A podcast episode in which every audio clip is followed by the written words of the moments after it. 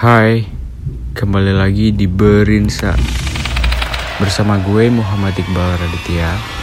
Sekarang, gue yang bakal menemani Jumat kalian bersama cerita-cerita horor yang sudah disiapin sama tim Berinsa. Di segmen horor kali ini, gue bakal ceritain yang berjudul Santet Prinks Dapur. Cerita ini gue ambil dari salah satu akun Instagram Kalong. Buat kalian yang gak berani dengerin, jangan dengerin sendirian ya. Kisah ini tergolong ilmu yang ganas dalam dunia perdukunan. Sebuah mantra yang bertujuan membunuh korban secara tuntas, yaitu jika manusia menggunakan rapalan mantra ilmu hitam ini, maka korban yang dituju akan mati sampai 12 keturunan. Ilmu ini ada sejak zaman dahulu kala, turun dari sebuah empu sakti di masa itu. Yang menciptakan ajian bambu serumpun. Ilmu mematikan pring yang berartikan bambu. Jenis ilmu ini tidak akan pernah tumbuh tunggal, melainkan berkerumun menjadi serumpun yang disebut sedapur. Pring sedapur memaknakan banyaknya pengiriman makhluk melalui media telur santet yang menghabisi target sampai tanpa adanya kata selamat bagi yang menjadi korban. Wanita itu menjadi gila setelah mendapati kedua mertua, kakak dan adik ipar, serta suami, bahkan anak-anaknya meninggal. Mereka meninggal karena menjadi korban sebuah ilmu sakti ilmu yang mengerahkan seribu jin untuk menuntut maut pada liang kematian sang manusia. Perjanjian ini dapat terjadi jika sang pengamal atau peminta ilmu ini menumbalkan orang yang sangat dicintainya. Awal malapetaka ini hadir hanya karena terjadinya perebutan sebuah warisan. Manusia yang terjebak dalam pandangan dan nafsu keduniawian terkadang menjadikan mereka gelap mata dan hati, sehingga nafsu duniawinya itu menjadi pemicu keinginan untuk memiliki yang bukan menjadi hak miliknya. Untuk mencapai tujuan dan ambisi itu, terkadang memicu mereka untuk merambah dalam dunia klinik santet, yaitu dengan cara menghabisi seluruh keluarga. Dari beberapa akar permasalahan yang muncul, Ketajaman lisan pun menjadi salah satu pemicu semakin peliknya prahara sedarah ini. Setelah kedua orang tua Bularas meninggal, dia mendapatkan warisan yang lebih banyak ketimbang dengan Pak Miko, abangnya, dan Pang Eli sang adik. Hal ini terjadi karena ia merupakan anak perempuan satu-satunya yang sangat dicintai oleh mendiang almarhum. Maka dari itu, ayandanya mewariskan rumah mewah dan megah itu untuk Larasati. Pewarisan rumah mewah ke Larasati dilakukan secara sah di hukum negara dan dituangkan dalam surat wasiat. Sementara itu, harta gonogini yang lain berupa uang, tanah, pabrik, pengolahan minyak mentah dibagi adil dan rata untuk semua anak-anaknya. Surat wasiat itu dibacakan oleh kuasa hukum yang tepat di hari ke-40 setelah meninggalnya Pak Haji Darmadi. Namun imbas dari pembacaan surat wasiat dan pembagian warisan tersebut menjadi asal mula terjadinya peristiwa ini.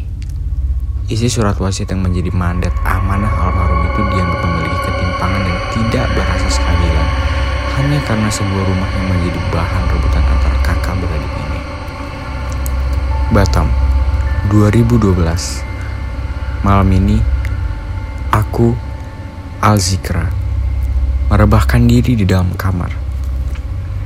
Tubuhku terasa lelah sekali, karena aku baru tiba dari perjalanan pulau seberang, yaitu Tanjung Pinang.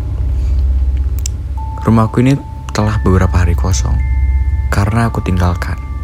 Ada beberapa pekerjaan yang mengharuskanku pergi beberapa saat. Namun keinginanku untuk beristirahat tidak bisa maksimal bisa kuraksakan. Hal ini disebabkan munculnya rasa ketidaknyamanan, yaitu terciumnya aroma yang sedang muncul akibat pengapnya udara tanpa adanya sirkulasi yang baik. Ditambah lagi rumah milik ibu kini memang tergolong angker di lingkungan perumahan. Beberapa kali orang menyewa, tetapi tidak ada yang betah. Sosok bocah kecil dan nenek tua selalu usil mengganggu mereka. Suara klakson mobil tiba-tiba terdengar memanggil dari luar rumah. Ibu datang diantar oleh kakak perempuanku, Mbak Ita. Malam-malam begini mereka berdua tiba-tiba datang. Ke rumah ini pasti ada hal yang sangat penting. Karena biasanya walaupun tengah malam, ibu hanya memberitahuku jika ada yang mau dibicarakan. Le, kamu siap-siap. Sekarang kamu tidur di rumahnya Mbak. Besok pagi-pagi ikut penerbangan ke Jawa. Kata Mbak Ita memberitahuku. Loh, kok dadakan? Memangnya ada apa mbak? Tanyaku sambil memperhatikan ibu yang masih mengobrol lewat telepon dengan seseorang.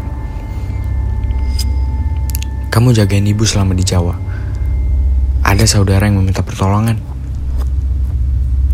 Dari pembicaraan sekilas itu, aku sudah menangkap bahwa ada sebuah masalah yang sedang terjadi. Namun, permasalahan itu belum gamblang terlihat jelas. Masih menjadi misteri yang samar-samar. Akan tetapi, jikalau ibuku sudah turun tangan langsung, sudah jelas jika permasalahan itu bukan hal yang main-main. Karena beliau sangat jarang mau membantu orang yang berkaitan dengan keilmuan, jika menurutnya tidak sangat penting dan berbahaya. Setelah mendengar instruksi mbakku, Aku mengambil beberapa baju dan memasukkannya ke dalam tas ransel. Karena mendadak dan tidak tahu sampai kapan menemani ibu ke Jawa.